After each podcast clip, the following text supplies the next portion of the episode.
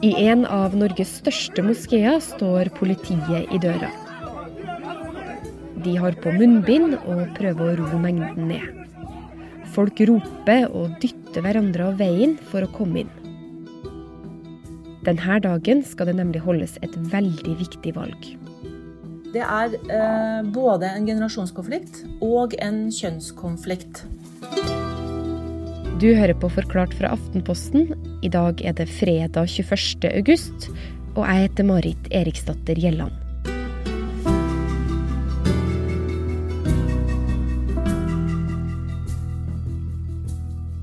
Det er eh, veldig stor forskjell på folk med somalisk bakgrunn i Norge. Olga Stokke er journalist i Aftenposten, og hun har jobba lenge med det somaliske miljøet i Norge. Ja, jeg har intervjua eh, somaliere i mange, mange, mange, mange år. De første kom jo på begynnelsen av 90-tallet. Jeg har vel skrevet om det siden da, tror jeg. Og som mange andre grupper i samfunnet er det et eh, sammensatt miljø. Noen er høyt utdanna, de er svært ressurssterke. Og noen av dem ser vi aldri i mediene, de bare orker ikke det. Andre er, eh, har nesten ingen utdannelse. Men allikevel så er det også mange som kom hit uten utdannelse, men som har utdannelse her, og som virkelig har flytta fjell, altså. Og med det mener hun at noen har kommet til Norge med andre forutsetninger enn de som er født her. Kanskje har de vokst opp i en nomadekultur. Hvor de ikke, kanskje ikke hadde utdannelse eller noen eh, skolegang. Og så kommer de hit og så tar de fagprøver, Eh, tar, utdanner seg, bygger et liv her i et helt annet samfunn. Det er som natt og dag. Det er eh, Egentlig så er det veldig godt gjort, da. Samtidig er det sånn at norsk-somaliere som gruppe i flere år har toppa de dårlige statistikkene. De kommer dårligst ut når det gjelder eh, deltakelse i arbeidslivet. Og da er det særlig kvinner som drar ned statistikken. De jobber, eh, altså den somaliske gruppen er mindre yrkesaktiv enn de andre innvandrergruppene. Og så har de dårligst økonomi, og en del behersker ikke språket. Og det går jo utover hvordan man knekker de sosiale kodene i det norske samfunnet. Så ettersom miljøet har vokst de siste 30 årene, har også ønsket om å ha et sted å samles vokst. De fleste moskeer i Norge de starta i en, en kjeller, i et but, gammelt butikklokale eller ja, hjemme hos noen, hvor folk samla seg for å be, og for å samles eh, i et fremmed land. Og så kom det flere, og da økte behovet for å ha et samlingssted og et sted hvor de kan møtes. Og for mange somaliere i Oslo har det stedet blitt Tofik Islamic Center. Den ligger på Grønland i Oslo, og det er en stor, hvit bygning på hjørnet. Og um, den er fem etasjer høy. Og ja, den eh, er jo en ganske markant bygning i bybildet. Den er viktig for alle utover medlemmene, viktig for somaliere generelt. Abdi Rahman Mohammed har jobba mye med integrering i Norge, og har skrevet om Tofik i den flerkulturelle avisa Utrop. Han er en norsk-somalier som har fulgt med på det som skjer i moskeen, men som ikke har vært involvert i denne saken selv. Og Det er litt det som er greia med Tofik også. Det er mange utover medlemmene som, som tar i bruk de tilbudene de har, enten om det er, eh, om det er eh, ekteskap eller om, de, om, om det er familiekonflikthåndtering. De greiene der sånn. Og, og, det betyr veldig mye for, eh, for somaliere, som i utgangspunktet er en veldig religiøs gruppe. I Somalia er store deler av befolkninga delt inn i grupper eller klaner. Klan er viktig for, som en eh, forsterka familie, på en måte. Klan vil stille opp for deg hvis du har problemer. Den kan også føre til sterke konflikter mellom klaner. Og blant en del somaliske innvandrere i Norge er klan fremdeles viktig. F.eks. i uh, Oslo så er det Haway og Isak-klanen uh, som regnes for å være sterke. Så er Darud som har vært sterk, men som kanskje ikke som ikke er så til stede akkurat nå, men de kiver om makta. For i det siste er det mange som har tatt kontakt med Olga om en konflikt i moskeen Tofik. Olga, nå, du må skrive om dette. Dette som skjer i moskeen nå, det, det er ikke bra. Vi må få det ut. Selv om det, eh, ingen vil at det skal komme ut.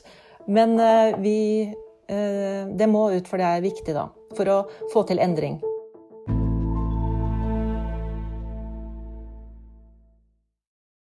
Første gangen, det var første uke de åpna det, og det var veldig fint. Det er Tofik Lul Abdi snakker om. Første gang hun var der, var da moskeen åpna i 2013. En stor og hvit bygning med en liten minaret, altså et rundt tårn med gulltak og en halvmåne på toppen. Bismillahirrahmanirrahim. Alhamdulillahi rabbil alamin. Tawfik Islamic Center, som den heter, er en av Norges største moskeer med sine 7800 medlemmer. Men før jul i fjor så skjedde det noe som har hatt store konsekvenser for moskeen. Fylkesmannen trua med å slette hele trossamfunnet fra sine register, som bl.a. innebærer at moskeen står i fare for å miste retten til å vie ektepar. Men ikke bare det. De frøys også den offentlige pengestøtta som moskeen får. Ja, det er jo tusenvis av eh, trossamfunn eh, som hvert år får eh, statsstøtte fra Fylkesmannen. og mange, mange, mange muslimske trossamfunn også. Tafik-moskeen har brukt å få sånne penger, men før jul så sa altså Fylkesmannen stopp. Ingen penger i 2019, og ikke hittil i 2020. Eh, det betyr at eh, moskeen har eh, mista et vesentlig bidrag på statstilskudd på 7,8 millioner kroner. Og bakgrunnen for det, det er at fylkesmannen ikke ble overbevist om at styret har et godkjent styre. Det er heller ikke klart hvilke vedtekter som gjelder Altså, eh, for å motta støtte så må eh, moskeen ha et lovlig valgt styre, og så må de ha vedtekter. Og fylkesmannen mente at det ikke var godt nok. For moskeen har ett styre som hevder det er de som bestemmer. Men i tillegg så finnes det ei anna gruppe som er misfornøyd med ledelsen, og som har danna et alternativt styre. Det har vært noen runder her da, hvor fylkesmannen har bedt om en avklaring. Det er et styre som har oppnevnt seg selv, eh, som forsøkte å oppnevne seg Det kalles seg fra medlemsrepresentantene. Eh, og begge parter har eh, advokater som representerer dem, så det sier jo litt om konfliktnivået her, da. Faktisk har uenigheten vært oppe i retten, og nå i august så var det meninga at moskeen skulle holde valg og få orden på vedtektene. Lørdag 8. august ble det avholdt et ekstraordinært årsmøte i moskeen, som, eh, som eh, moskeen håper skulle liksom berolige fylkesmannen og si at nå har vi rydda opp, nå har vi et uh, lovlig valgt styre. Da braka det jo løs utenfor moskeen. Og da var det flere menn Eh, som forsøkte å komme seg inn, det ser vi på en video. Men også kvinner som opplever at de ble nekta adgang til moskeen for å stemme. Og disse kvinnene har jo Aftenposten intervjua, da. Og Lul Abdi var en av de her kvinnene. Men vi har rettighet eh, i Norge. Alle har rettighet. At kalle kvinner de får ikke komme inn. Eh, det, det hører ikke det åpne samfunnet. Hun og de andre kvinnene møtte opp fordi de vil ha et nytt styre i moskeen. De her stridende eh, sidene skal bort. De skal være vanlige medlemmer. Og det skal, det skal komme unge som vokste opp her, eller er født i Norge, som har en annen demokratisk hensyn enn de gamle. Og noen dager etterpå, da journalister fra Aftenposten møtte kvinnene utenfor, ble de filma med mobilkamera. Der og da eh, vi tykte at det var ubehagelig, og så vi avsluttet det eh, raskere enn vi skulle gjøre det.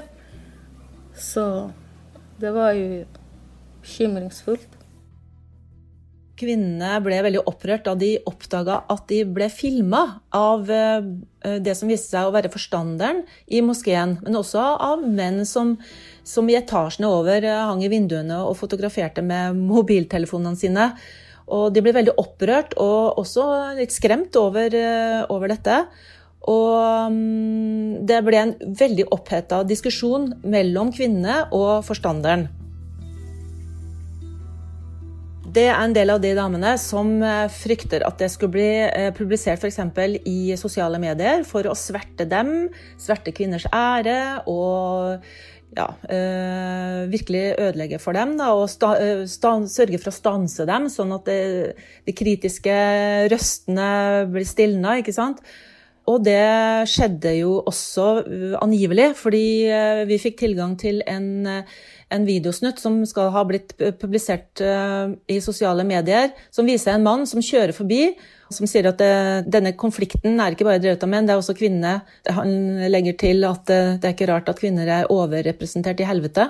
Styret i moskeen er ikke enig i det her. Og forstanderen, som heter Hakim Ismail, han sier at han filma kvinnene fordi de filma først. Folk som har gjort de samme mot meg, så, så Men jeg slettet med en gang. Han sier også at kvinneinngangen til moskeen var stengt under det ekstraordinære årsmøtet pga. smittevern, og at inngangen har vært stengt siden mars. Han sier òg at alle som ønska, fikk mulighet til å være med på avstemninga. Så de var eh, noen medlemmer eh, som forholdt seg ikke i smittevernreglene og ordenen i, i salen. Og så politiet fjernet dem. Som veldig mange andre så syns han konflikten er trist. Eh, egentlig det er jo en konflikt som er unødvendig, og som eh, tok eh, masse ressurser og masse tid og masse krefter. Konflikten rundt drifta av Tofik-moskeen er likevel så stor at politiet har måttet rykke ut flere ganger det siste året pga. bråk. Og det her det handler om mye mer enn personene som sitter i styret, mener Abdi Rahman, som du hørte fra i starten. Jeg har hørt mange forskjellige, forskjellige versjoner. I hvert fall oss somaliere, da. Vi klarer å se eh, konfliktskillelinjene. Han sier at klantilhørighet nok spiller en rolle. En annen ting er, som vi også har sett i Aftenposten, de kvinnene som, eh, som ønsker mer likestilling. Og som ønsker at, eh, at, kvinner også skal være med på å, å bestemme hvilken retning moskeen skal ta seg. Og så er det også en annen gruppe som ser på seg selv som kanskje litt mer moderne enn de, eh, enn de som er der i dag. At de har en bedre forståelse av samfunnet. At de, at de kanskje evner bedre å nå ut til ungdommer og sånne ting. Eh, altså det folk snakker mest om, er den forvaltninga av statsstøtten som de, eh, som de, får av både fylkesmann og kommune. Hvem som skal ha kontroll over de midlene og hva de skal brukes til. Eh, og det gir status sant, i samfunnet, blant, blant somaliere. For de har ikke så mange andre arenaer hvor de kan utøve autoritet og sånne ting, så da blir religionen kjapt en, en arena for, for maktkamp, dessverre. Ledelsen i moskeen sier at de gjerne skulle sett at flere kvinner påtok seg styreverv. Og forstanderen Hakim han sier at klanstruktur ikke har noe plass i moskeen. I Tofik vi har vedtekter som forbyr klanbasiske eh, grupperinger eller religiøse grupperinger. Eh, vi tillater ikke sånn. Men som allerede er jo klaner, så det er mange som i deres hode de hører at det er noe klaner, strid og sånt, men sannheten er ikke det. Etter at fylkesmannen frøys statsstøtta til moskeen, så har flere ansatte mista jobben. Statsstøtta er rett og slett veldig viktig for å opprettholde drifta. Og for å få den tilbake, så må moskeen løse konflikten og bli enig om et felles styre og vedtekter. Hakim sier selv at de nå har fått retta opp sånn at kun ett styre er registrert, og at vedtektene nå skal være i orden.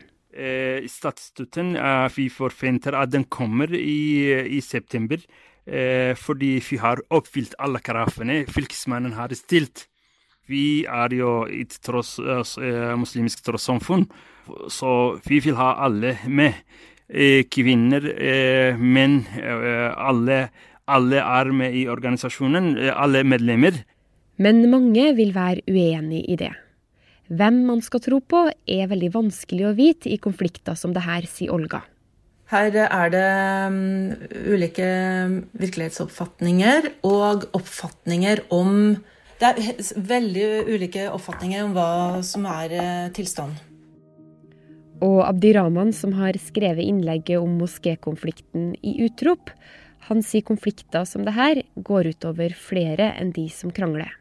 Så enten om det er personlige vendettaer mellom disse folkene, om det er klankonflikt, om det er konflikt knytta til forvaltning av penger, det bryr meg ikke så mye om det, egentlig. Det viktige er at det, at det går utover moskeen, at det går utover uh, somaliere. At, eh, at, og at det kan bidra til polarisering og mer fordommer mot somaliere. Det er liksom det eneste jeg tenker på. At det nå har gått litt for langt, egentlig.